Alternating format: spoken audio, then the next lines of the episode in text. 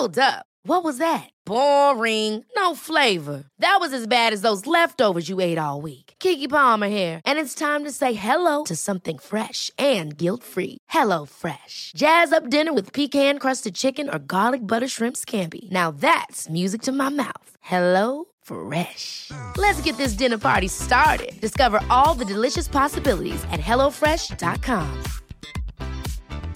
Quality sleep is essential. That's why the Sleep Number Smart Bed is designed for your ever evolving sleep needs. Need a bed that's firmer or softer on either side? Helps you sleep at a comfortable temperature? Sleep Number Smart Beds let you individualize your comfort so you sleep better together. JD Power ranks Sleep Number number 1 in customer satisfaction with mattresses purchased in-store. And now, save 50% on the Sleep Number limited edition Smart Bed for a limited time. For JD Power 2023 award information, visit jdpower.com/awards. Only at a Sleep Number store or sleepnumber.com.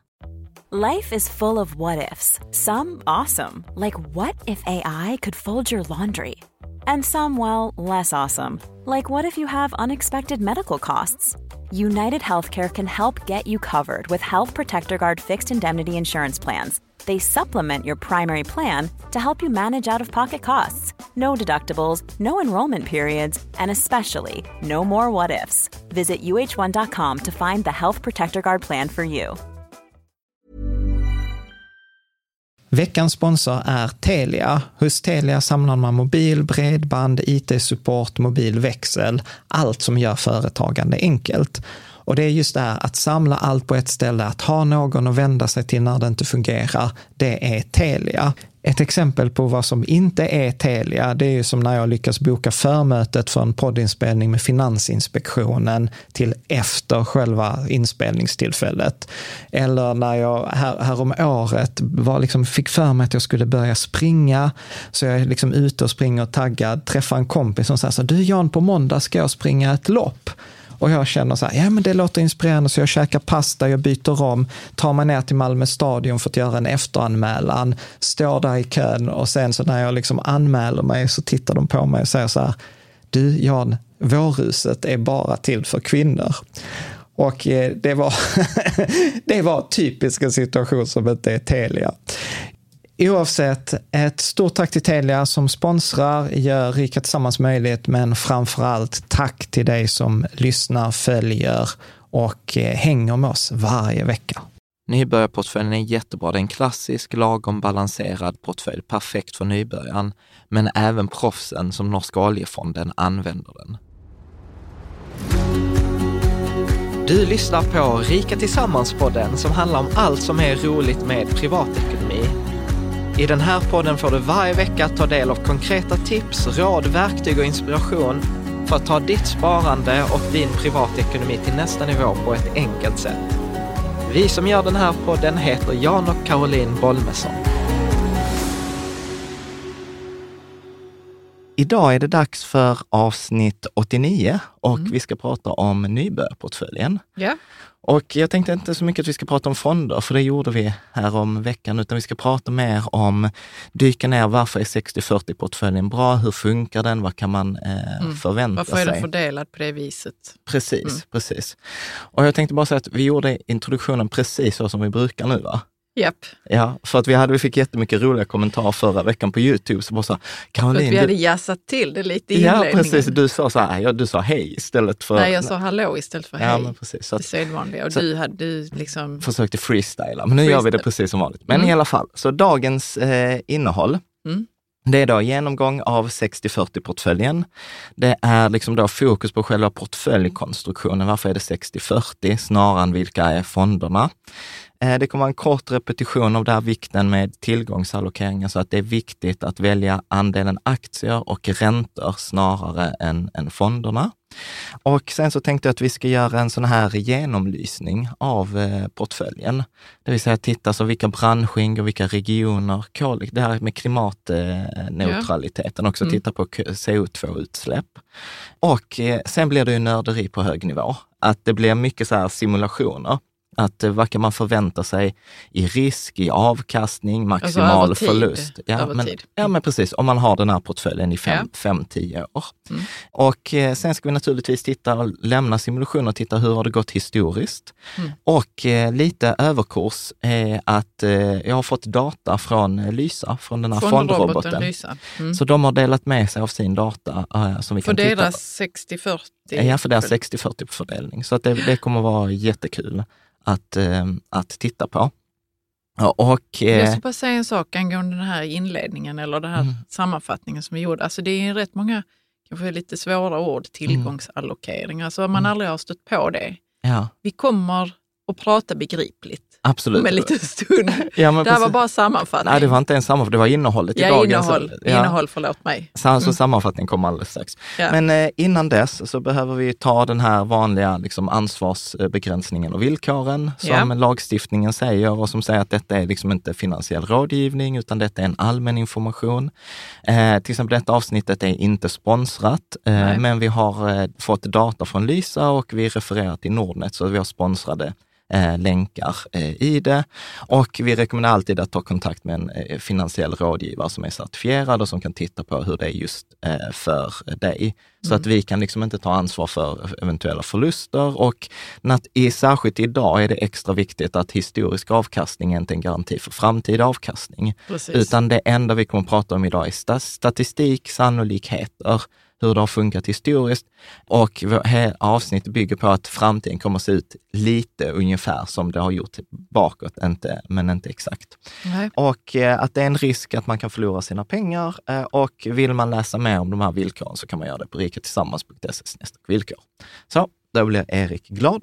Och, eh, då, Erik är juristen då. Ja, mm. så att, då tänker jag att vi tar sammanfattning mm. i ett par punkter. Och detta är till för den som bara vill lyssna tills nu. Den här liksom korta guld, stunden guldkornen. och få ut vad ja, det är vi pratar ja. om. Mm. Och då handlar det om att eh, 60-40-portföljen, det är den mest klassiska portföljen. Jag kommer till att prata lite om historien bakom den. Den har hängt med typ, jag tror sedan 1950-talet. Mm. Och eh, det som är viktigt att komma ihåg är att avkastningen, alltså hur mycket pengar du tjänar i ditt sparande, beror mest, alltså till över 80 procent på om du väljer aktier eller räntor eller något annat tillgångsslag. Så vilken specifik fond man väljer spelar i princip ingen roll. Så att det är ett av de grundläggande antagen. Du bara skrattar åt mig. Nej, men kör på. Det spelar kanske lite roll, men inte så stor roll som man kan tro. Nej, mindre än 5 procent av avkastningen. Ja. Mm. Eh, så. Eh, om vi refererar till eh, förra, förrförra avsnittet, avsnitt 87, så visar forskningen väldigt tydligt att det som är bäst över tid är ett globalt index, passiv förvaltning, låga avgifter. Så att det är det som ger bäst odds. Och eh, tittar vi då specifikt på 60-40-portföljen så eh, är det rimligt att räkna på ungefär 6 procents eh, avkastning över tid. Om då givet att eh, liksom his, framtiden kommer att se ut till viss del som historia. Så 6 procent per år? Per år kan man räkna på, på en 60-40-portfölj. Ja. Mm. Tittar man på maxförlust så är det rimligt att räkna med att enskilt år kan förlora som eh, max eh, 20 procent och då är det då med 95 procents eh, sannolikhet. Så det, ja. man kan förlora mer, och liksom men i 90 fall, 95 procent av alla fall så kommer den vara max 20 procent. Vi kommer att titta på det. Och eh, en annan slutsats var att eh, först gjorde jag mina egna simuleringar och, och, och, beräkningar. Och sen fick jag eh, Lysas data och det var i princip identiskt. Så, Vad härligt för dig. Ja, det var jättekul. Mina var lite bättre, men eh, det, alltså det är så små. Så lite det, bättre på vilket sätt? På alla sätt. Så okay. att, mm. Nej, men det, så kan man inte säga. Det är bara så statistiskt. Liksom, ja. man ska säga statistiskt för simulation är inte samma sak som, som um av data som, som finns? Nej, precis. Eller? Jag tittade på deras data och sen gjorde jag simuleringar från det rådatat eh, själv. Mm. Och eh, som jag sa innan här när vi pratade om villkoren, är jätteviktigt idag. Historisk avkastning är inte en garanti för framtida avkastning. Mm. Så att man kommer ihåg det. Och sen så skulle jag också säga att detta avsnittet är ganska, särskilt i slutet, så är det ganska graftungt eh, mm. och mycket siffror. Så att eh, jag rekommenderar verkligen att gå in på bloggen eh, på riketillsammans.se och sen så läsa om... Man kan om, läsa inlägget som hör till Ja, för där kommer det vara mycket bilder, grafer, tabeller eh, och så liknande. Men det gör sig varken särskilt bra i en podd eller i en eh, vlogg. Liksom. Mm. Så, att, eh, så att det skulle jag säga. Och sen kan vi också att detta är faktiskt en uppdatering av en gammal artikel vi hade av nybörjarportföljen. Hur gammal är den? Ja, den var, den var så pass gammal att vi hade inte studion. Så jag står i vardagsrummet med dåligt ljud och sånt, så det var lite så awkward. Så, att, eh, så det var därför jag sa bara, okej, okay, vi har massa intressanta saker att prata om, vi måste göra om nybörjarportfölj ja. avsnittet. Jo, men det har kommit, tillkommit mycket kunskap också. Ja, ja gud ja. ja men absolut. Mm. Så att eh, jag tänker att eh, vi kör igång. Vi kör igång nu, med. ja. Mm. Och jag tänker faktiskt att vi börjar lite med historien. Ja, och, men den här, jag måste bara säga att portfölj, ja det är ju att förr i tiden hade man verkligen en portfölj med, med sina aktiepapper i. Ja, med värdepapper. Värdepapper i. Så, man, så det är därför det heter portfölj ja, nu också, ja, när man precis. har sina värdepapper i, ja. på internet. Ja, men jag tror du vet, när man, frågan är om det inte är Spiltan, eh, när jag var och hälsade på någon, som hade så här inramade aktier Alltså verkligen värdepapperna. Mm. Så här, ja, det är så fint. Ja, det är fint. De är väldigt fina, så ja. kalligrafi och så. Ja, precis. Ja, men, du, du, som ibland är på sådana här Tradera och Block, kan, om du hittar Jag ska såna, se ifall jag kan hitta ja. värdepapper på Tradera. Ja, det, hade, mm. det hade ju varit mm. jättekul. Eh, men i alla fall, men jag försökte googla igår om den 60-40-portföljens historia. Men det var, alltså det var supersvårt. Eh, Vad var det du ville veta? Nej, men jag ville veta så här, vem var först? Eh, ja. Men, eh, men eh, det, jag hittade ingenting. Men efter ett tag så hamnade jag på Quora, eller jag vet inte om det uttalas Quora, om det ja. uttalas så. Och där var det faktiskt en som hade skrivit en historia som jag tyckte lät bra, så jag återupprepar ja. den här. Ja. Och han, han skrev, den här finansiella rådgivaren skrev ju att typ 1952 så Harry Markowitz kom med det som man idag kallar för modern portföljteori eller Modern Portfolio Theory, eh, MPT. Och eh, vad han egentligen, och den har ju använts supermycket. Portfölj, eh, portfölj.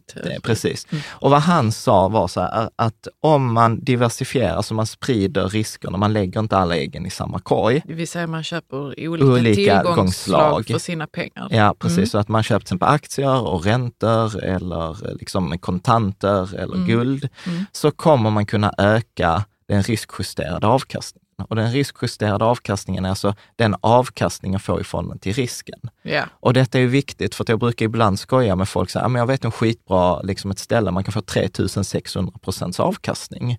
Och alla är så, wow, 36 gånger pengarna. Ja, det kan man räkna ut i alla fall, ja, men man precis. bryr sig inte så mycket om Nej, men Risken, och, och, och, då säger de så här, vad ska jag göra? Så säger jag, men låt oss gå till närmsta Casino Cosmopol och så mm. sätter vi allt på rouletthjulet på en siffra, inte ens en färg på en siffra. Mm. Och det vill ju inte folk göra. Varför? Jo, för det är 97 procents sannolikhet att du förlorar. Mm. Så att det är ju liksom den riskjusterade avkastningen på ett roulettbord är ju skitdålig. Men om man bara tittar på den potentiella vinsten så är den ju jättebra. Mm. Så att man måste alltid, man måste ta, tänka på båda Man måste alltid tänka på vilken avkastning får jag i förhållande till risk. Ja. Och, och, och, målet är att jag vill ha en så bra riskjusterad avkastning som möjligt. Mm. Och om man förenklar då grovt eh, Markowitz teori, och nu kommer jag säkert få skit eh, för det här, jag faktiskt inte, det finns ju kurser i det här. Mm. Eh, så att detta är min, min egen eh, min egen förenkling. Då säger, då säger den så här, ta alla investeringar som du har tillgängligt och också titta på förväntad avkastning, titta på risken och sen titta på hur den rör sig tillsammans med de andra. Så korrelationen mellan guld och aktier eller aktier och räntor. Alltså hur, hur mycket avkastning beror de på varandra? Uh, men gör de det? Ja, men de följer... De, ja, jo, men det gör de ju. Alltså, för när aktierna Nej, Akt till exempel när, aktier, ofta brukar det ju vara så att eh, när aktiemarknaden går ner så går räntorna upp eller vice, ja. vice versa. Du, du, har ju till exempel Sverige och USA-aktier korrelerar ju jättemycket. Mm. Man brukar ju säga så här, mm. om, om USA nyser så får Sverige förkylning. Alltså ja. för det är jättestort samband. Ja, detta har jag hört. Ja, men det är mycket mindre samband med till exempel guld och eh, aktier. För där är det precis negativ korrelation, brukar man prata om. att I 98 procent av fallen då aktier går ner, då går guldet upp. Precis. Så det är en negativ mm. kurs. Så Jag man kom tittar, på det sen. Ja. bra att du förtydligar. Ja, vad bra. Mm. Så, att, eh, så man tittar på förväntad avkastning, risk och korrelation. Och sen så räknar man ut den mixen som ger bäst avkastning. Då kan man göra en sån fin kurva och så kan man säga så här, här är det optimalt. Här får jag bäst avkastning i, i förhållande till den risken jag tar. Mm. Och då säger, då säger teorin att om allt, oj, om allt går enligt plan, vilket är osannolikt, så ska man investera i den mixen. Så det finns liksom ett, ett rätt svar helt mm. enkelt. Och så säger den så här att om du vill ha mindre risk då än den optimala, ja men lägg till kontanter eller räntefonder. Vill du ha mer risk, belåna, använd hävstång. Ja. Okay. Så det, Spännande. Ja, ja men det, det är verkligen eh, för, förståeligt detta. Ja, it mm. makes sense liksom. Och tittar man då 1952, då fanns det i princip bara amerikanska räntor och amerikanska aktier i USA där man kom fram till detta, eller i Sverige fanns det svenska aktier och svenska räntefonder. Och räknade man då på den här MPT, alltså moderna portföljteorin på 50-talet, så kom man fram till att den optimala mixen för då 70 år sedan var ganska lika 60-40. Mm. Så där har man liksom sitt ursprung och sen har den hängt med. Och, och, jag vill vara supertydlig, bara för att detta var den optimala mixen 1950 så betyder inte det att det är den optimala mixen idag. Så att man kan inte bara ta det, ja men det var bäst på 50-talet. Eh, det är bäst idag. Och eh, då till exempel eh, också när vi pratar om den här 60-40 på till exempel Paolo Sodini i avsnitt 87 var ju ganska tydlig med att i början av livet, när man inte har så mycket kapital, ja då är det dumt att ta låg risk. Då ska man snarare ta hög risk och sen minskar man risken ju äldre man blir. Jag satt här och funderade, okej okay, men det var bra 1950 men inte, kanske inte optimalt nu. Men då svarade du på frågan att det beror på var man är i livet. Och hur ens ekonomiska, ja, precis, och ekon, hur ens ekonomiska situation ser ut, hur ens mm. ekonomiska mål ser ut, hur ens, den här finansiella termometern man själv har, man kan sova mm. gott om natten etc. Men, men eftersom detta var ju ganska den optimala portföljen då, så var det många, bland, många fonder som började använda den och benchmarkade mot den här 60-40-portföljen. Och det gjorde ju då att den därmed också ofta förekom i studier. Så när, när forskare gjorde studier på liksom aktiemarknaden och så, så använde de ofta 60-40-portföljen som jämförelse. Så därav tittar man i princip varenda studie fortfarande som görs, så är det alltid en 60-40-portfölj med. Mm. Eh, tycker du det är rätt, John? Nej, men jag tycker, att, nej, men jag tycker absolut att det, det är bra. Mm. Jag själv, vi kommer till det sen, jag själv kallar ju denna för nybörjarportföljen och mm. vi gör det av en, av en anledning.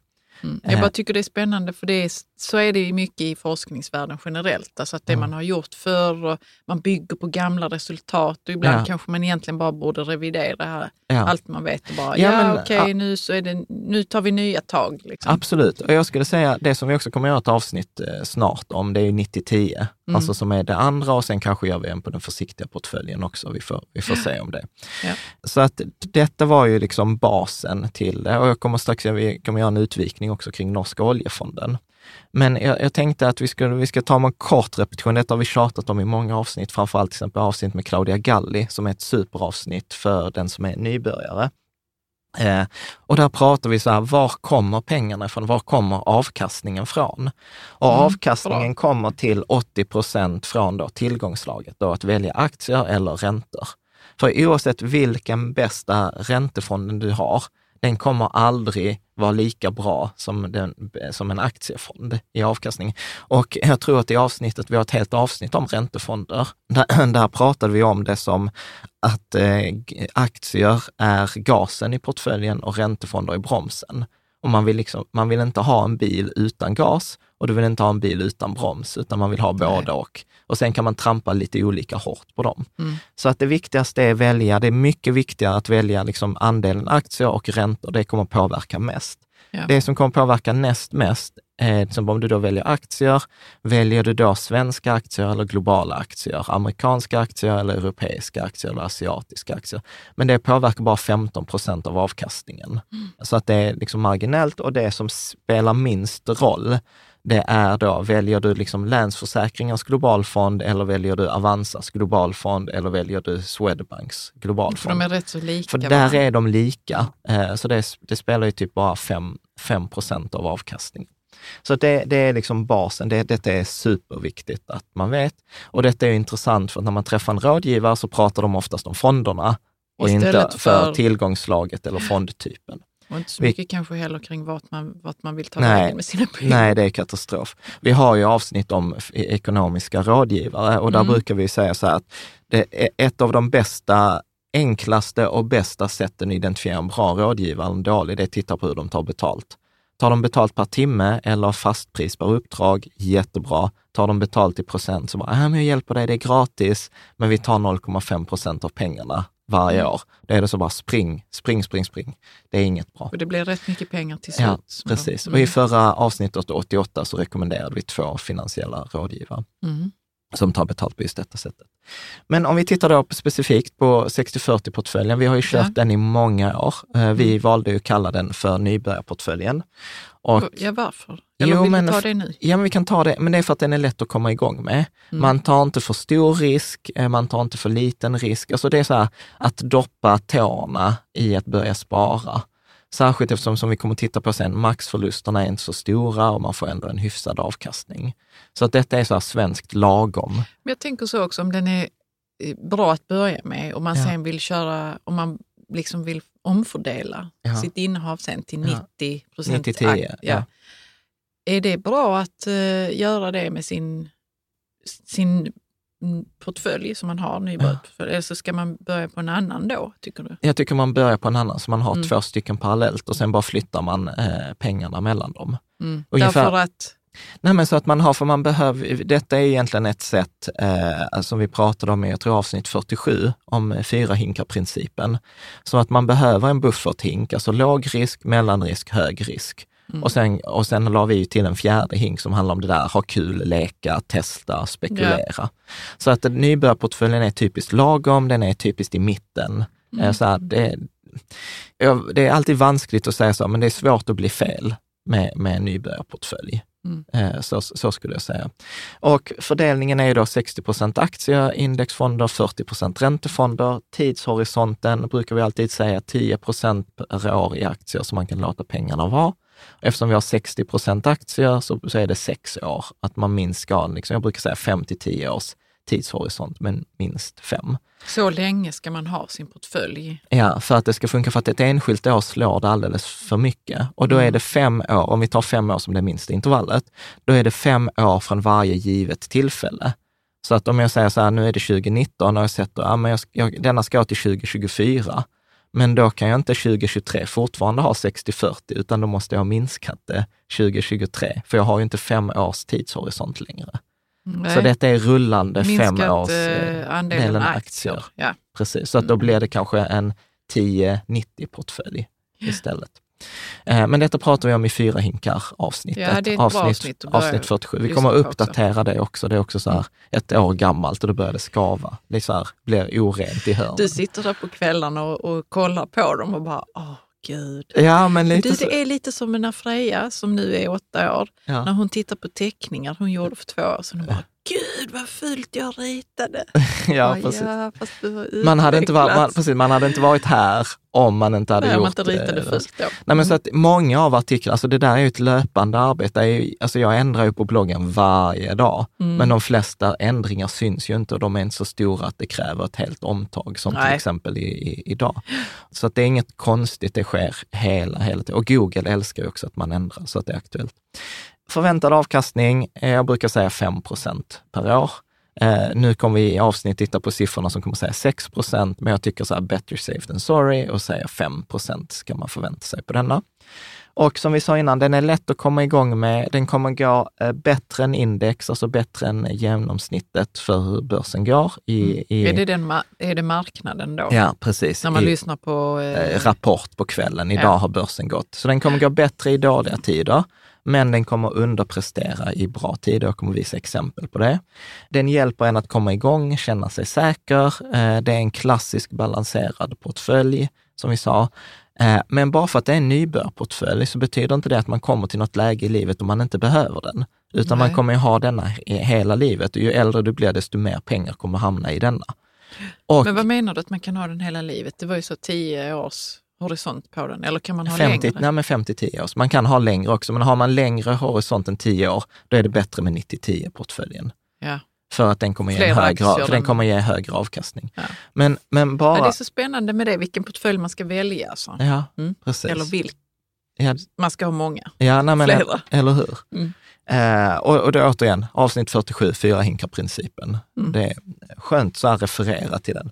Eh, men bara för att den här är nybörjare så betyder inte, som, som jag sa innan, att den inte är användbar. Alltså norska oljefonden, Du har skrivit Statens pensionsfond här. Ja, precis. För, för er som tittar eller Ja. för er som lyssnar också. Ja. Pension, alltså norrmännen, hur stavar de egentligen? precis som det låter. Ja, Det- som det- ett barn har skrivit. Ja, vi Anyway. har, nej men Karo, vi har lyssnare i Norge, så jag Ja, tycker okej, vi, ska vara, vi, ska vara, vi ska vara snälla mot... Klart jag, vi ska. jag har flera stycken som kommenterar på Youtube och sånt, så jag uppskattar både Vi ni som uppskattar lyssnar i eh, Norge och, eh, och eh, som lyssnar i Finland också. Mm. Och, och detta, detta som norrmännen har gjort är briljant. Alltså för det första, jag var inne på deras hemsida igår, Den här Statens pensionsfond. Ja, precis. Det är den Mm. norska oljefonden. De förvaltar, alltså håll i dig, 9 000 miljarder norska kronor. Mm. Eh, jag såg nå- Men varför, vad är det för, varför men- är syftet? Nej men norrmännen var ju sjukt smarta. De insåg så här, vi har hittat massa olja, den kommer att ta slut, vi borde investera en del av de här pengarna och inte använda dem i den löpande oljebudgeten, eh, löpande budgeten typ som Venezuela Mm. och Ryssland och alla de här. Utan de sa så här, nej vi använder inte oljepengarna, utan vi investerar dem. Ja. Och, och det är ju, de har ju tiodubblat pengarna de senaste 20 åren. Alltså, De har en sån räknare, du vet varje sekund så tillkommer det en miljon. Det är helt crazy. Eh, och sen jag tror jag räknade ut att ja, men varje norrman har typ en miljon norska kronor. I, sin, I den här oljefonden. De Ja. skulle kunna ta ut en Ja. miljon, Ja, alla. alla norrmän. Tittar man, jag såg någon siffra att det var typ så här 1,3 mil- eh, 1,3 procent av eh, börsvärdet i världen. Så de Så, äger mm. en, norrmännen alltså äger en procent av det Det totala. är ju rätt mycket. Det är supermycket. De äger, jag tror det var 9000 bolag i 72 länder. Så att Mm. detta är så här globalfond eh, deluxe. Liksom. Sjunde AP-fonden som är det bästa svenska alternativet, det är, tror jag det är 2700 bolag. Mm. Men det som jag tyckte var intressant, nu har jag saxat direkt från deras hemsida. Mm. Därav har jag till och med skrivit detta på norska, där de har skrivit så här att aktieandelen är satt till 62,5 procent och den ska över tid ökas till 70 procent. Så de lämnar 60-40 utan ska gå till 70-30, för de har liksom upptäckt att det är Det bättre. är deras mix, mix som Ja. de vill ha. Och det är väl rimligt att säga att idag ligger väl mer det optimala närmare 70-30 än 60 60-40. Mm. Räntepapirer, eh, som de kallar det, står för den resterande delen, 30 procent. Och sen så kan då de även ha 7 procent i onoterade eh, innehav. Ofta då fastigheter äger de tydligen väldigt mycket, eller så här private equity-bolag. Eller den Vad är typ. private equity? Eh, Det är det, då ska jag rekommendera avsnittet om Infrea. Det är alltså ett bolag som investerar i onoterade bolag och vi hade det här med att pengarna i, i Tonys plånbok var mer värda än vad de var i min. Så en hundralapp i hans plånbok var mer värd än en hundralapp i min plå- plånbok. Kommer du ihåg det avsnittet? Jo, jag minns det, men jag minns inte varför hans pengar var mer värda än dina. Jo, för att onoterade bolag har Ja, en lägre okej. värdering än, Ja, än noterade bolag för att de går inte att handla i och, och sådant. Nej. Och eh, sen så kan man då skilja, de ombalanserar när fördelningen skiftar med Nu är vi tillbaka 1,25 här procent. på Ja, norska, precis, norska oljefonden. Så de ombalanserar också. Och de har haft sedan 1998, på den här fördelningen har de haft en eh, avkastning på 6 procent. Och då ska det sägas från 98, då har vi med IT, eh, krisen 98, Ryssland, eh, Asien, LCTM-krisen. Vi har med IT-bubblan 2001 till 2003, vi har med finanskrisen 2008. 2008. Mm. Ja. Så att eh, 6 procent på en 60-40-portfölj liksom så här, verkar stämma från flera, flera eh, Den klarade flera sig håll. igenom tre kriser. Ja, precis. Men hur, vet du hur den gick under kriserna med den? Ja, det kommer vi titta, vi kan titta på exempel Lysas siffror sen. Ja, det kan vi göra. Ja. Mm. Så att eh, detta är statens eh, pensionsfond. Mm. Spännande. Ja, så jag tänker att vi fortsätter och om vi tittar då på nybörjarportföljen så bygger den på följande antagande.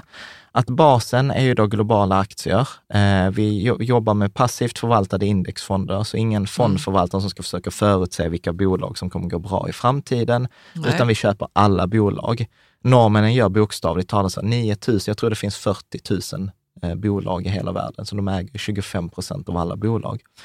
Eh, man väljer fonder med låga avgifter, att avgiften spelar roll. Eh, ja, låg avgift, det kan vi väl ändå Under 0,4 procent ja. i förvaltningsavgift. Vi bygger på regelbundet månadssparande, eh, att vi inte behöver pengarna på fem år vid varje givet tillfälle, att vi balanserar om en gång om året. Det var det mm. vi pratade om i avsnitt 83 att man startar om portföljen, man ja. återgår till återgår samma. Återgår till 60-40, för den kan driva iväg så att det blir fler aktier, eller mer... Aktier, ja. Eftersom ja. aktier ökar över långa tidsperioder, så till mm. slut så kommer du ha en 100 procent mm. aktieportfölj, för räntorna mm. kommer bli så lite låg. Och den bygger också på att du har eh, buffert och allt du har det här med fyra hinkar, eh, på, eh, fyra hinkar-principen. Så att jag, jag tänkte på det med att vi pratar om månadssparande ja. rätt ofta. Det är ju det där att det hela tiden ska ticka in pengar i ja. portföljerna. Och, och varför egentligen? Jo, för att som vi kommer att se sen när jag gör simuleringarna, det är stor skillnad på hur resultatet blir om du månadssparar eller inte. Du får ett bättre resultat om du månadssparar, för att hamnar du då i en krasch, så kommer du i månadsspara köpa nya andelar. Även ja. i kraschen, då får du fler ja. andelar så du får en skjuts uppåt. Så då köper man också när det är billigt? Ja, ja. mm. precis. Härligt. Ja. För de flesta, eh, för nu ska vi bli lite mer konkreta, för de flesta nybörjare som aldrig har sparat, som liksom så här, då, då rekommenderar jag faktiskt att använda en fondrobot för 60-40-portföljen. Mm. Och vi, det, vi har ju gått igenom alla fondrobotar i avsnitt 86 mm. och vi personligen gillar ju Lysa. Det är där vi har lagt absolut mest pengar. Vi har testat de andra också, men eh, det är de vi använder. Och vi har en sponsrad länk till dem då eh, också i anslutning till videon, men det är riketillsammans.se partner lysa. Yeah.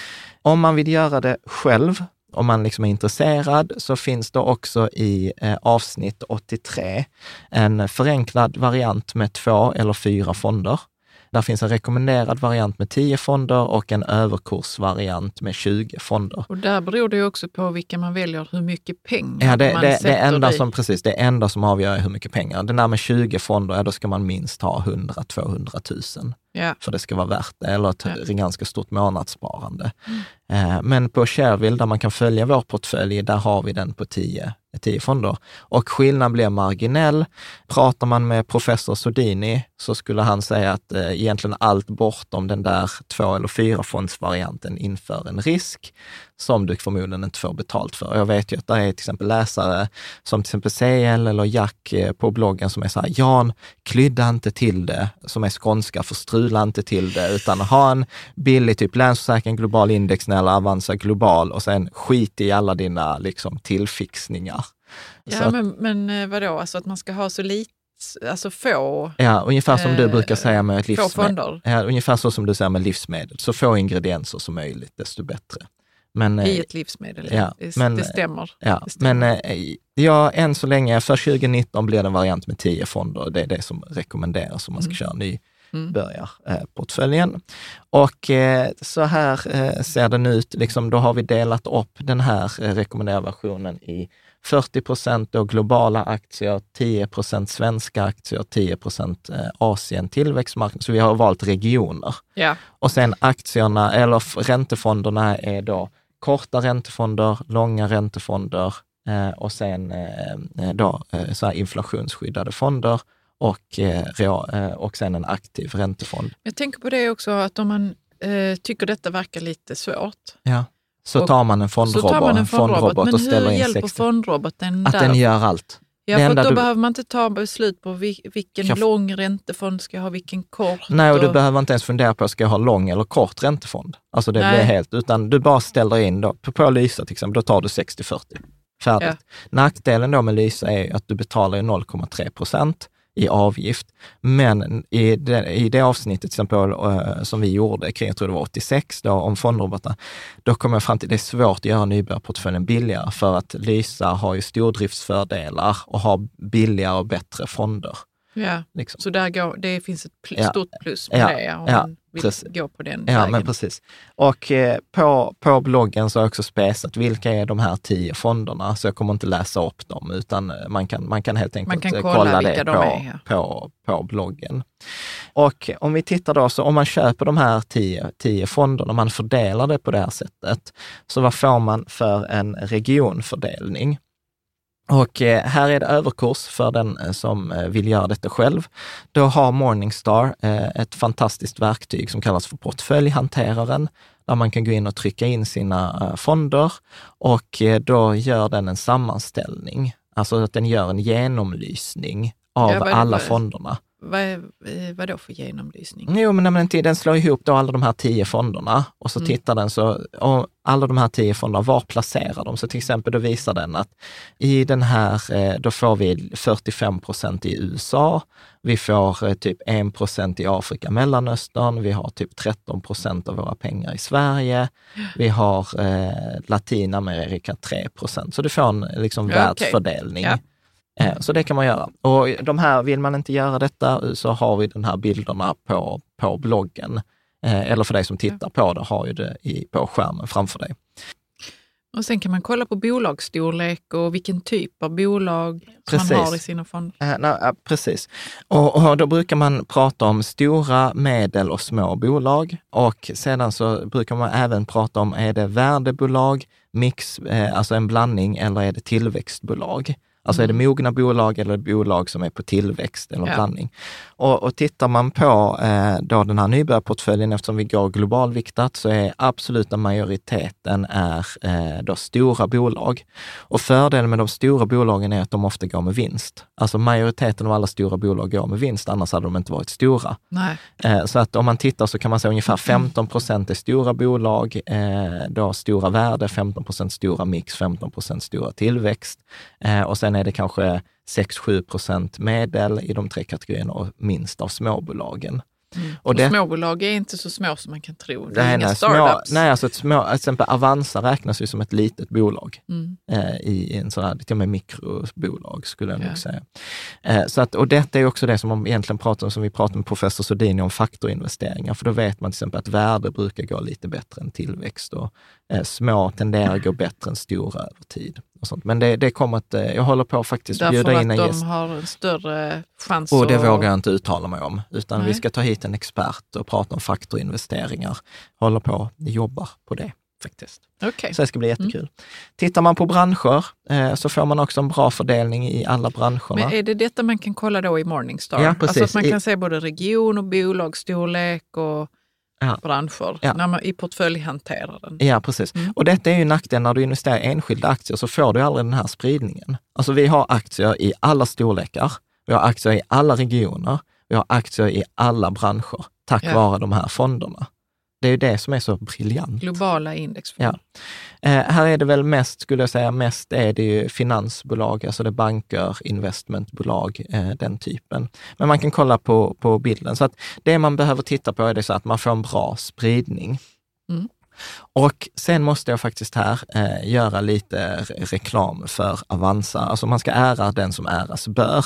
Mm. Och eh, Avanza har gjort en jättebra grej för oss som sparar i fonder. Och de har gjort något som kallas här fondportföljanalys. Jag tror det är ganska nytt, att det kom nu i början av 2019. Och då kan man liksom gå in och trycka på sin portfölj och sen så gör de precis som eh, Morningstar. Att de gör en analys på alla dina fonder, antingen på alla dina konton eller på ett enskilt konto. Och eftersom vi har ganska mycket pengar i vår balanserade portfölj, vi har ju delat upp att hälften har vi hos Lysa och hälften har vi själva, så har vi den här 20-fonders varianten. Och den var lite rolig för att i riskmässigt så klassar eh, Avanza denna på, fyr, på en skala 4 av 7, vilket är perfekt. Det ska ju vara lagom, det ska vara en mellanrisk. Fonderna, om man räknar så här Morningstar-stjärnor, så har vi, vår portfölj har fyra och en halv stjärna av fem, vilket är så här briljant. Det var så här, jag blev glad när jag såg det. Du Det där väl, känns som en sån egoboost. Man, och jag hade bara synat det. Vad är, varför har vi det? Vadå? Men jag är, jag är glad att vi Men- har det, men jag blev så... Alltså, jag blir stolt när jag gör någonting bra, Caroline. Yeah, okay. men, men du har helt rätt. Tittar man på forskningen på antalet Morningstar-stjärnor så spelar det ingen roll. Tvärtom, har du fem stjärnor ena året så är sannolikheten högre att du kommer få färre ja, vi kan stjärnor. Gå vidare. Men, men tack för att du Jan. drog ner byxorna på mig. Det gjorde jag inte. Ja, i alla fall. Eh, de tittar också på den genomsnittliga avgiften. Eh, mm. Nu har vi valt i vårt, vi har gjort en liten twist på vår, eh, på vår nybörjarportfölj, det är att vi har valt in en hel del hållbara fonder. Mm. Så det, det gör att vi får en högre avgift, så vi får 0,53 i avgift, vilket är, jag tycker ändå är ganska okej. Okay. De visar också största innehaven, alla branscherna. Och det är jättekul. Och vi ser också att inget innehav i fonden eller i vår portfölj är större än 1,3 procent. Mm. Eh, så att skulle liksom eh, ett eh, bolag till exempel eller en obligation gå åt skogen så förlorar vi max 1 procent. Men det som var roligt är ju att Avanza har ju då lagt till där fonder med låg CO2-risk.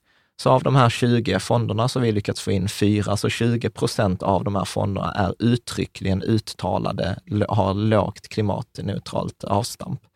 Och jag tror att man kommer ihåg, alltså i, om jag inte minns fel, så var det att en global indexfond, 100 000 kronor i en global indexfond gav upphov till typ 6 ton koldioxid eller 3 ton koldioxid. Så att vårt sparande spelar stor roll. Mm. Eh, men då rekommenderar jag det här avsnittet som handlar om ett, jag tror det heter ett schysstare och smartare eh, sparande. Och tittar vi på eh, sharpkvot så var den 1,76. Vi har ett avsnitt om sharpkvot, men det är ju superbra. Det, det, alltså det är orimligt hög. Vi har haft tur de senaste ja, åren. Men, det, för det, men den tar också bara de senaste tre åren. Ja. Så att det kan man inte räkna på. Men standardavvikelsen är låg, alltså hur mycket det svänger. Eh, det är 7 procent. Svänger upp och ner i värde. Liksom. Ja, precis. Det det som... Och avkastningen har varit de senaste tre åren varit 34 procent, vilket är skitbra. Alltså så här, det har gått riktigt, riktigt bra för den här eh, För denna portföljen, ja. ja. Precis. Och den kan man då se på Sharewill? Eller ja, på bloggen. Mm. Precis. Så att detta, nu har vi tittat lite så här, innehåll i portföljen och nu tänker jag, nu blir det nörderi, nu blir det överkurs. Så jag vill vara supertydlig. Nu, från och med nu och framåt så är det liksom ett par minuter, eh, eller ganska Men, många kan minuter. Kan man lyssna nörderi. på det även om man är Man nybörjare? kan lyssna även om man är nybörjare, då lär man sig kanske nya saker. Och jag ska försöka vara supertydlig så man får värde även om man är nybörjare. Så att här, nu får du vara så här, verkligen småspararens eh, flagga här. Så att om man tittar nu så här framåt, så vad kan man förvänta sig av en nybörjarportfölj? Vad kan man förvänta sig av en 60-40-portfölj? Och det bästa sättet jag vet som har kommit på, det är att man, att man liksom simulerar. För att få, få en uppfattning av det? För att få en känsla av hur kommer detta bete sig framåt? Ja. För man kan inte bara titta bakåt och säga så här, ah, men så här har det gått bakåt, det kommer gå exakt likadant framåt. Så, så går det inte. Men man kan göra så här att man kan titta bakåt, lära sig från det och sen så använder man det och, och gör Händelserna bakåt. Och sen gör man statistiska simulationer. Så man, liksom, man, det är som om vi ska ta en tärning. Så om jag ka kastar en tärning och fick en femma, nästa gång jag kastar en tärning så kan jag inte säga att jag får en femma. Eller För jag kan få vilken siffra som helst. Men om jag kastar tärningen tillräckligt många gånger så vet jag att jag kommer få ungefär lika många femmor som treor, som, fem, eh, som sexor, som tvåor. Mm. Mm. Eller, eller hur? Så, så kan man Visst. säga. Och inom finans så gör man då vad man kallar för en Monte Carlo-simulation. Och en Monte Carlo-simulation betyder att man tar portföljen och sen så kör man den och sen tittar man på utfallet. Sen kör man den en gång till och en gång till. Ja, precis. Och så gör man detta 10 000 gånger. Mm. Eh, och detta har jag gjort, så jag har låtit den här portföljen rulla 10 000 gånger över en Men, tioårsperiod. En gång motsvarar det ett år då? Nej, det motsvarar en tioårsperiod. En tioårsperiod. Så här har vi 100 Ja, här, tusen år? Ja, vi, ja, ja, vi har hundratusen år, men vi har, vi har tio, alltså 10 000 tioårsperioder. Ja. Det är det jag har tittat. Ja. Och så har jag låtit den här portföljen liksom köra. Och eh, de antagandena som jag har gjort är för att försöka liksom träffa var ligger någonstans vår genomsnittliga läsare. Så då har jag utgått från att man har ett startbelopp på 100 000. Jag har eh, räknat med att man har månadssparat 1000 kronor. Jag har inte kunnat ta hänsyn till avgifter eller skatt, för det har varit supersvårt. Och jag räk- men jag har räknat med en inflation. Mm. För det brukar jag få säga, har du räknat med inflation? Ja, det har jag räknat med, på 2 procent. Uh, och sen har jag räknat med att man balanserar om den en gång om året. Ja, så precis, pre- precis så som vi pratar. Hänger du med hittills? Jag hänger med. Perfekt. Så, och då måste man säga, så vad är det vi simulerar? Helt enkelt. Och då kan vi inte simulera, för det, jag, det är jättesvårt att få fram data för alla de tio fonderna. Så jag har gjort en approximation helt enkelt. Så jag har behövt liksom säga så här, okej, okay, vad blir mest likt? Eh, och då har jag tagit eh, då 30 procent USA, för det är vad globala index är, ungefär 60 procent. Jag har tagit eh, 20 procent eh, allt utanför Nordamerika eh, och 10 procent i Sverige. Så att det mm. motsvarar regionmässigt det som vi har valt i nybörjarportföljen. Och eftersom fondtypen och tillgångslaget ger 95 procent av resultatet så påstår jag att detta är en approximation som är 95 procent lik verkligheten. På räntefonderna har jag valt eh, 20 procent eh, eller 18 procent eh, korta räntefonder och 18 procent långa räntefonder. Och då har jag valt svenska statsskuldväxlar, alltså du lånar ut till svenska staten i tre månader eller i tio år. Eh, så att, ett lån, så att räntefonderna är ett lån till svenska staten på tre månaders sikt eller tio års sikt. Och sen har jag tagit med 5 procent eh, guld. Och för den som vill veta exakt eh, vilka fonder det är jag har valt så står det på, på bloggen. Men jag har valt Vanguards fonder som brukar anses vara standard ja. för den här typen av, av simulationer. Och då kan vi titta på eh, hur har det nu gått? Då? Hur har det gått och förväntat slutvärde. Och nu blir det lite klurigare, för nu kommer jag att prata om sannolikheter och percentiler. Så vad jag har gjort är att jag har tittat på liksom de 10 procent sämsta utfallen, de 25 procent sämsta utfallen, medianen, vad blir det i genomsnitt, alltså mittvärdet, 75 percentilen och 90, eh, 90 eh, percentilen. Mm. Eh, så att, så att man får då sannolikheterna. Och då får man den här grafen eh, som jag har ritat upp och som jag publicerar på bloggen, som säger att i genomsnitt, alltså om vi tar det mellersta utfallet av de här 10 000 utfallen, så kommer det landa på en avkastning på 6,3 procent per år. Och eh, då slutvärdet på det här sparandet som vi hade 1000 kronor i månaden och 100 000 i startkapital kommer att bli ungefär 366 000. På tio år? På tio år. Yeah. Och sen, sen ser man att det är en osäkerhetsfaktor, alltså det är ett intervall och det här intervallet går från 250 000 till 5, 500 000. Mm. Så att i, i det mittersta utfallet blev 360 000. De 10 procent, det utfallet som var bättre än 10 procent av de sämsta utfallen blev 250 000. Och det, de 10, det 90 procenten, alltså 90 percentilen, då är det en halv miljon. Mm. Så vi har ett spann som täcker in 90 procent av alla utfall mellan 250 000 och 500 000. Ja, men det är det, inte så illa väl? Nej, det är jättebra, men är ja, det förståeligt? Jag, jag, fattar det. Okej. Okay. Ja. Eh, va, va jag bra. kan inte percentiler och sådär, ja, så, men, så superbra, men du har förklarat det bra. Som att, men jag är ändå intresserad av ja. hur mycket pengar kan jag sitta där med efter tio år? Och då Precis. Så att, så att, skiljer ju ändå ganska mycket får ja, man ju säga. Ja, men... Precis. Och så att det man ska komma ihåg, att av de här 10 000 utfallen så har vi tagit med 9 000 av dem. Ja. Eh, och eh, av dem, eh, eller faktiskt inte, vi har inte tagit med 90, eh, vi har tagit med 8 000 utfall, förlåt. Mm. Av de här 8 000 utfallen så hamnade de mellan 250 000 och 500 000. Men och störst chans är det att få 350. ungefär 350 000. Ja. Okej? Okay? Mm. Bra. Och eh, tittar vi på lite mer, nu blir det lite nörddata, men jag, jag tittar på, på, på bloggen har jag definierat alla percentilerna, men här i avsnittet så tar vi bara mittenvärdet. För det är det som är liksom mest sannolikt, skulle jag säga. Så avkastningen är 6,2 eller 6,3 procent per år, eh, kan man räkna på. Slutvärdet då utan inflation 366 000. Justerar vi det för inflation så är det ungefär 300 000. Så inflationen är ju jätteviktig, det har vi pratat om i många avsnitt. inflationen är ju när eh, pengarnas värde urholkas. Yeah. Och det kommer man inte undan. Det är ju därför det är till exempel... Det sker oss alla. Ja, därför att Lite peng- varje år. Precis. Så att ha pengar på bankkonto, då har du garanterad inflationförlust. Mm. Eh, och nu kommer vi till lite det intressanta det som man kallar för max drawdown, alltså drawn, vad är maxförlusten i 95 procent av fallen? Ja. Och då är den 14 procent eh, om man månadssparar. Så under liksom ett enskilt år så kommer du i 95 procent av fallen den värsta förlusten vara 14 procent. Mm. Om du inte månadssparar, att du bara sätter igång pengarna i början och sen låter dem löpa, då kommer du ha en eh, maxförlust på 18 procent. Så att du så, ja, så, så att, man korrigerar sin... Sin maxförlust, man får en mindre maximal förlust om man att tillföra in genom att, pengar. Ja, ja, precis. Så detta är jätteviktigt. Om vi tittar på den förväntade avkastningen så har jag också definierat den per alla percentiler, men återigen, vi tar genomsnittsvärdet, för det är det intressanta. Och så tittar vi på ett år, fem år och tio år. Ja. Så ett enskilt år, så det genomsnittsavkastningen är 10 procent. Jättehög. Och, men, och det makes sense också, för att som vi har pratat om, ett enskilt år, det kan slå jättemycket. Den mm. genomsnittliga... Med det menar du att det kan gå upp eller ner ja. rätt mycket under ett år? Ja, precis. På fem år så blir det 6,5 procent mm. mm. och på 10 år blir det 6,3 procent. Mm. Så ju fler år vi lägger på, desto jämnare blir det, desto mindre blir osäkerheten och där liksom hamnar den på runt 6 procent. Jag gjorde en simulation på 25 år och den hamnade på 6 procent också.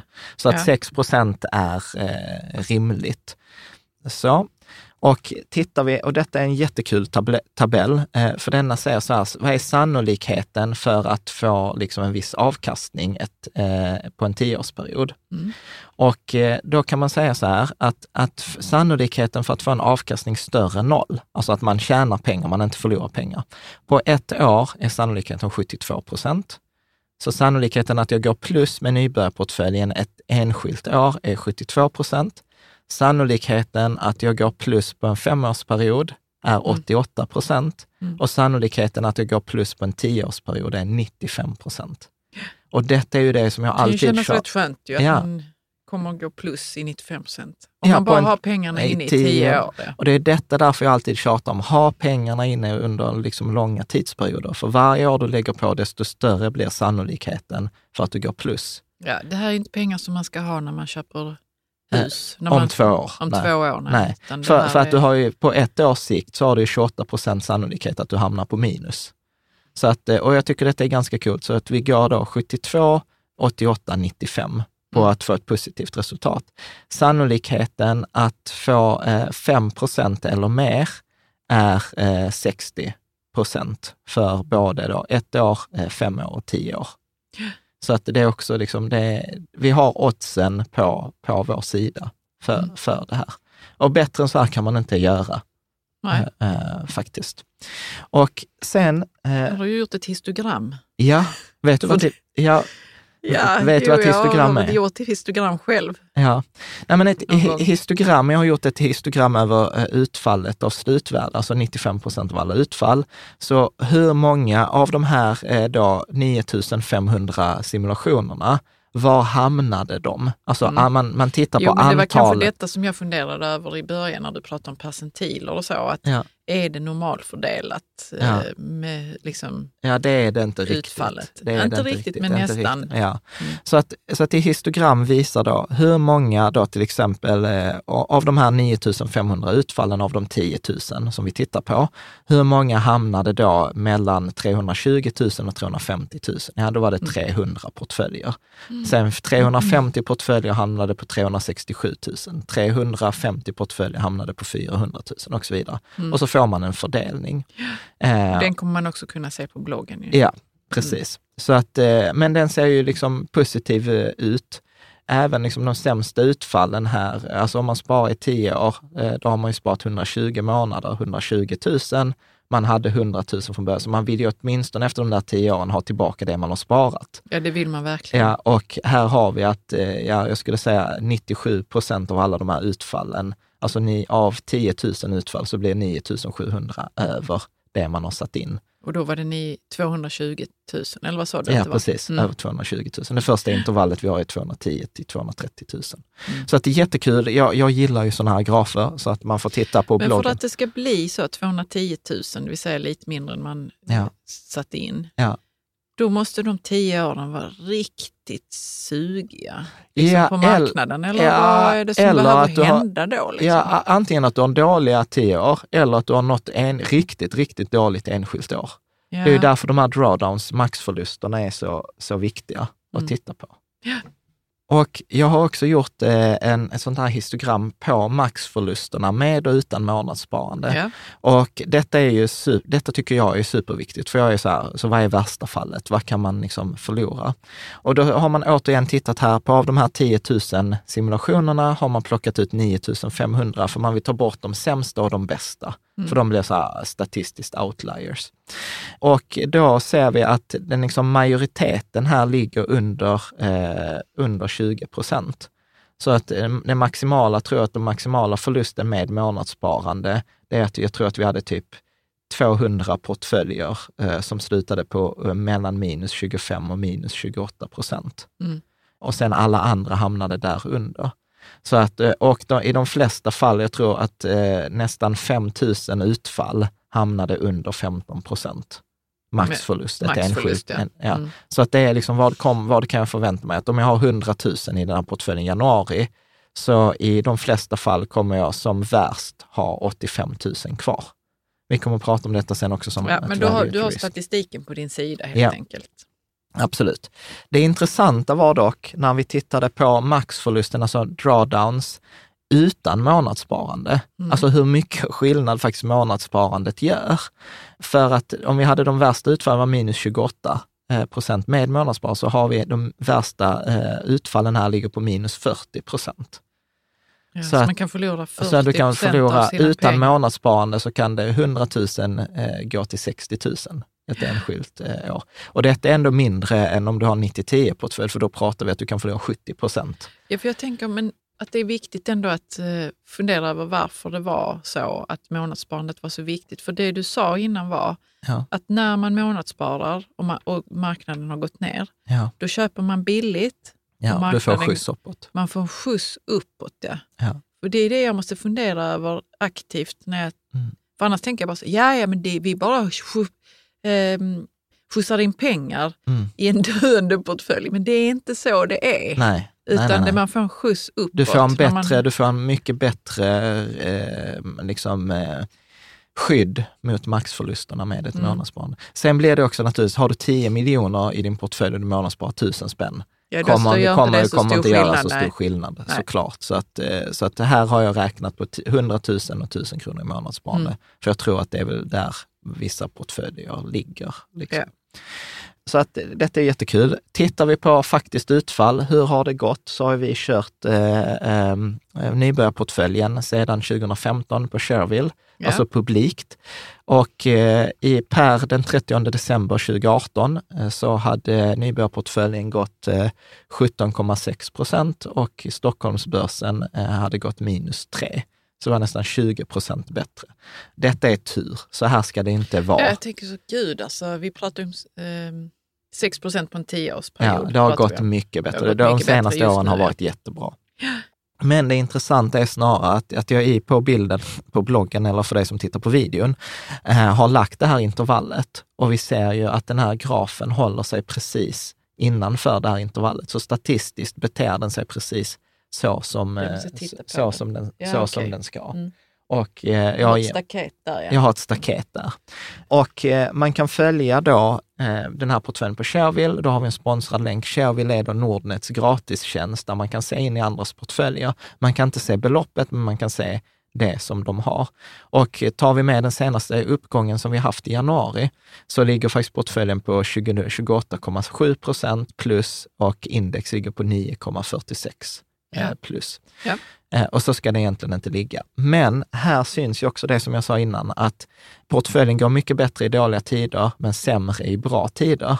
För om vi tittar bara från januari så har portföljen gjort 9,4 procent, medan eh, Stockholmsbörsen har gjort 12,7.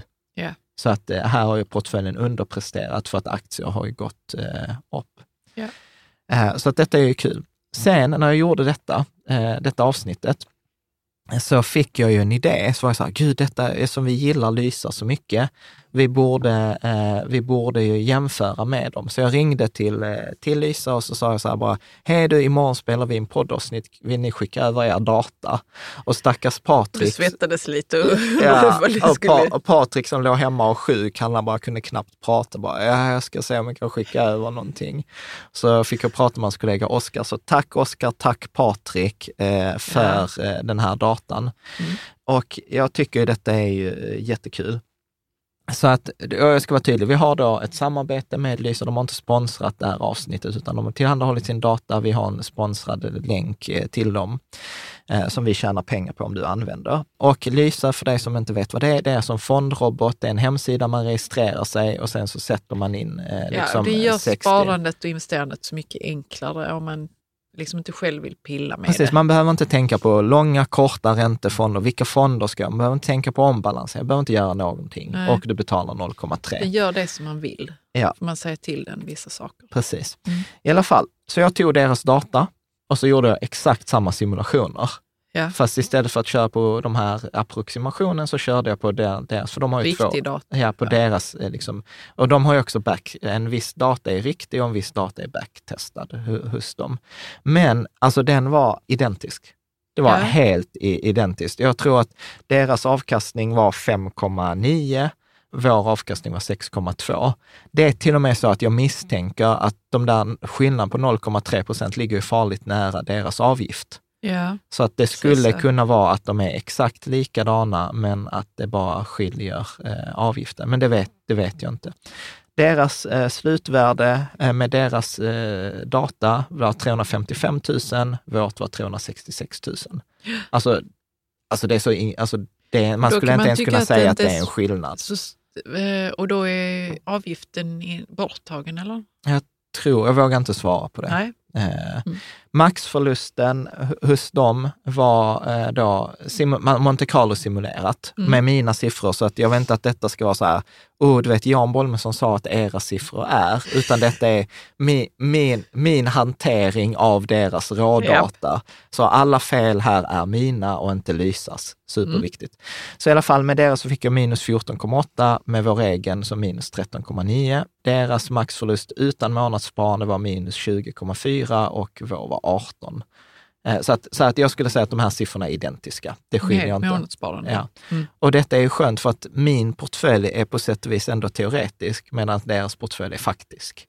Så att eh, detta är så här, det som jag var ute efter var att om jag gör det själv eller gör det hos Lysa, så vill jag inte ha två olika resultat. Nej, det vill man inte. Utan liksom en Ford köpt på ena bilstället och en Ford köpt på ett annat bil ska vara samma bil. Ja, li- ja.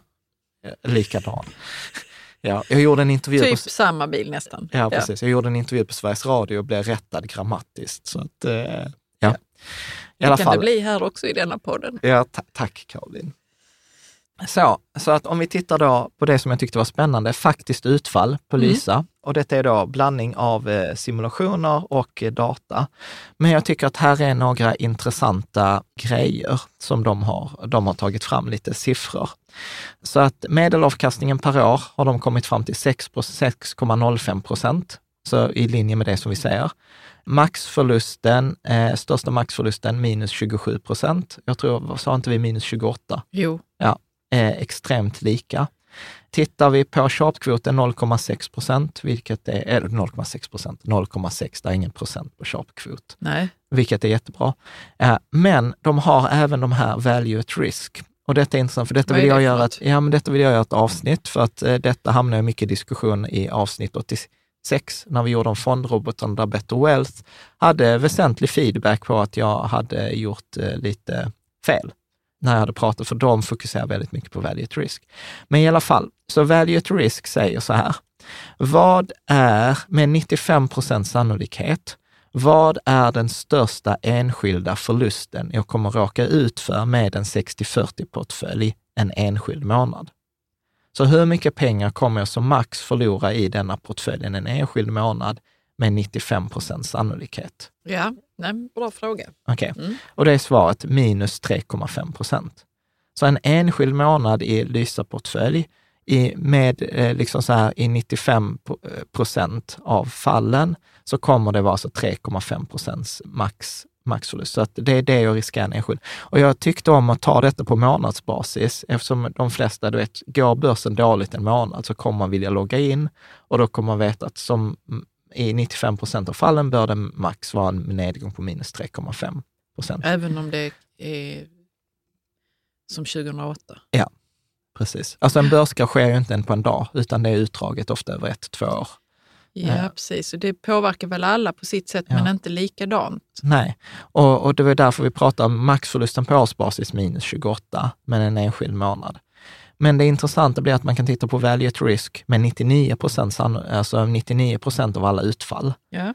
Så i 99 procent av alla utfall, då blir det minus 5,1.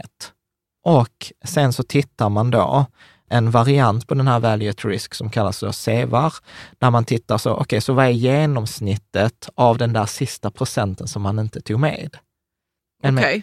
För, för att vi, vi har ju ja. alltid de här outliers, alltså svarta svanarna. Alltså ja, de fin, som är de statistiskt som, nästan osannolika, ja. men som ändå sker. Skulle kunna ske. Och då vill man ju Vad veta, då då? och då är den minus 5,9. Så genomsnittet av alla de extrema förlusterna i den här portföljen är minus 6 procent en enskild månad. Och, och, detta vill man ju veta, för man vill inte kunna säga så här, ja, ja men en value at risk med 95 procent, eh, 95 procent av utfallen är minus 3,5. Men eh, om du hamnar i det där extremfallet, då, då förlorar du hela portföljen. Nej, men du pratar om en enskild månad. Ja, du ja. sa också att en krasch är utdragen. Ja, så då är det kanske flera månader egentligen det handlar om. Ja, precis. Medelavkastningen per månad är ju 0,5. Mm. Så att man pratar om att du tar, den går 0,5 procent upp per månad, men de värsta liksom, månaderna i 95 procent av fallen så är minus 3,5 och sen har vi då minus 5,1 och minus 5,9. Nu hoppas jag att jag har tolkat de här siffrorna rätt, annars får Patrik och Oskar skrika på mig och så får vi yeah. rätta det. Yep. Men, men jag, jag, tycker så här, it, det verkar rimligt, it makes sense och det hänger ihop när jag tittar på det från andra, andra håll också. Så jag hoppas att detta var intressant. Överkurs, men intressant. Jo, men det var det. Mm. Och den sista eh, grafen, den är också då från Lysa på 20 år. Där... Ser ut som en... Eh, som det rinner blod på väggarna. Ja, men, men det, det, gör det inte. Ja, men du är inte långt ifrån. Alltså, detta är, man brukar prata om så här, blodet flyter på gatorna i börskrascher. Detta är ju det. Ja. Så vad, jag har rit... vad är det för blod som flyter jo, här? Här har jag då med hjälp av Lysa ritat upp eh, maxförlusten, alltså när har en 60-portfölj backat och hur mycket har den backat? Och här ser vi liksom eh, då både eh, krisen, IT-bubblan, vi ser då, det är den första liksom där stapeln neråt, vi ser finanskrisen och vi ser då också 2018 i slutet när det, när det trillade. Och, och det intressanta här är ju så att ingen av nedgångarna är ju mer än minus eh, 30, utan de ligger där även alltså i... under hur lång tidsperiod är det? Ja, detta är ju då, alltså till exempel IT-bubblan var ju under tre, tre fyra år. Eh, så att detta är då de här max drawdowns illustrerade. Och det, det kommer vara intressant sen, för vi kommer göra en sån här, ett sånt här avsnitt om eh, en 90-10-portfölj och då kommer vi se hur mycket djupare de här dalarna går. Jo, men jag tänker fortfarande på det här med alltså, hur mycket kan jag förlora? Du pratar om att varje månad skulle jag som max kunna förlora 6 procent. Eh, ja, 99. Det är genomsnittet av de mest extrema utfallen. Ja. ja. Men alltså att det, om det är en kris pågår under lång tid, Ja. Förlorar Ofta jag mycket för, pengar då? Ja, då kan det, alltså det är ju så svårt att säga, men ja. alltså vi pratar 95 procent och 99 procent sannolikhet och sen så pratar, eller procent av utfallen och sen så pratar vi ofta att en börskrasch pågår kanske under två år. Mm. Och jag tror att, eh, jag tror att Kavast, Arne Talving, sa att en eh, börskrasch pågår med jag tror minus 0,5 procent per vecka. Mm. Eh, det är den genomsnittliga börskraschen. Mm. För det går inte bara neråt, även i en börskrasch har du ju uppgångsfaser. Ja, ja precis. Och, och, men jag vill bara säga, för att då gäller det ju att sitta still ja, ja. i den båten det är därför vi pratar fem, Det är därför vi pratar 5-10 år. Ja, precis. Ja. Nej, men intressant om det här med maxförlust. Ja, och mm. illustrationen också. Så att, mm. eh, tack, mm. till, eh, tack till Lysa. Vill du testa Lysa eh, själv, så som sagt använd gärna vår sponsrade eh, länk. Och eh, avslutningsvis, eh, mm. det var egentligen allt vi tänkte ja. prata om det. Har du frågor, kommentera gärna på bloggen och eh, så hjälps vi åt. Mm. Eh, det sista jag tänkte säga, det, det är ju puffa för de sista eh, fika tillsammans-tillfällena eh, som vi läckte i förra, för, ja, men som vi läckte i förra avsnittet. Det kommer inte bli, det kommer bli fyra tillfällen med under 2019. För det är så mycket jobb och eh, så, så att jag jag ja, orkar inte. Du hinner inte med jag hinner inte med och... att göra dem. Och så blir det på bekostnad av avsnitten i veckan yeah. och sånt, så det är inte mm. så kul. Uh, så att det blir i Stockholm den 7 maj med Patrik uh, då från Lysa. Mm. Så att ypperligt till. Ja, det är kul. jättekul att han ville ställa upp. Mm. Sen blir det i Göteborg den 12 mars med Charlie Söderberg från Balansekonomi. Kommer prata om det rikedom är mer än bara pengar, prata om tid, energi och eh, pengar. Sen blir det den 9 eh, maj med Erik Strand från Pacific Fonder som kommer att prata om guld och hedgefonder och ja, men Han är ju också idealisk att ha med. Han är så himla duktig på att förklara saker ja. och spännande och enkelt sätt. Ja, precis. Mm. Så att han är i Göteborg och eh, den 7 eh, mars i Malmö så blir det Trine. Ja. Om det här med hållbart sparande och solpaneler och impact investing, impact investing klimatsmart sparande. Och då tror jag att det blir Hanna som mm. Eh, kommer ner. Så att det är verkligen en så här, eh, gå med flaggan i, i, i topp. Yeah. och sen så blir det inget planerat i höst, utan då blir det i så fall en pop-up grej. Yeah. Men, eh, och man eh, bokar sin plats på rikatillsammans.se fika tillsammans. Det kostar 300 kronor. Jag borde höja priset eftersom jag går back, men 300 kronor. Men och man, får är, mat man, man får mat. Eh, inte dricka köper man själv. Yeah. och sen är det då ett föredrag från gästen, ungefär 45 minuter, en timme. Och sen är det en frågestund en timme med mig och gästen, där man kan ställa frågor. Och så är det tillfälle att prata själv med andra, lära känna mm. andra likasinnade. Mm. Och så kör vi från typ 18.00 till 20.30, 21, så två och en halv, tre timmar. Och där mat ingår som sagt. Bra. Kommande avsnitt, det vi har planerat nästa vecka, eh, mm. blir det eh, om ekonomisk frihet med Charlie Söderberg och det här lite med FIRE.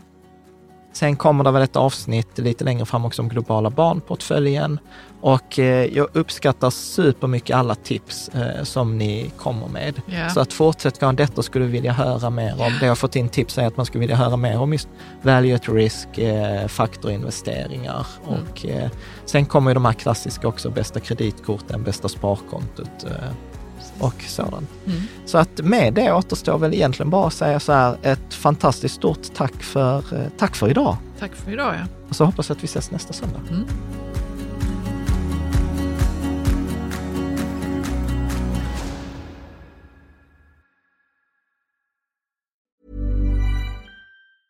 Have catch yourself eating the same flavorless dinner three days in a row? Dreaming of something better? Well, HelloFresh is your guilt-free dream come true, baby. It's me, Gigi Palmer. Let's wake up those taste buds with hot, juicy pecan crusted chicken or garlic butter shrimp scampi. Mm. Hello Fresh. Stop dreaming of all the delicious possibilities and dig in at HelloFresh.com. Let's get this dinner party started.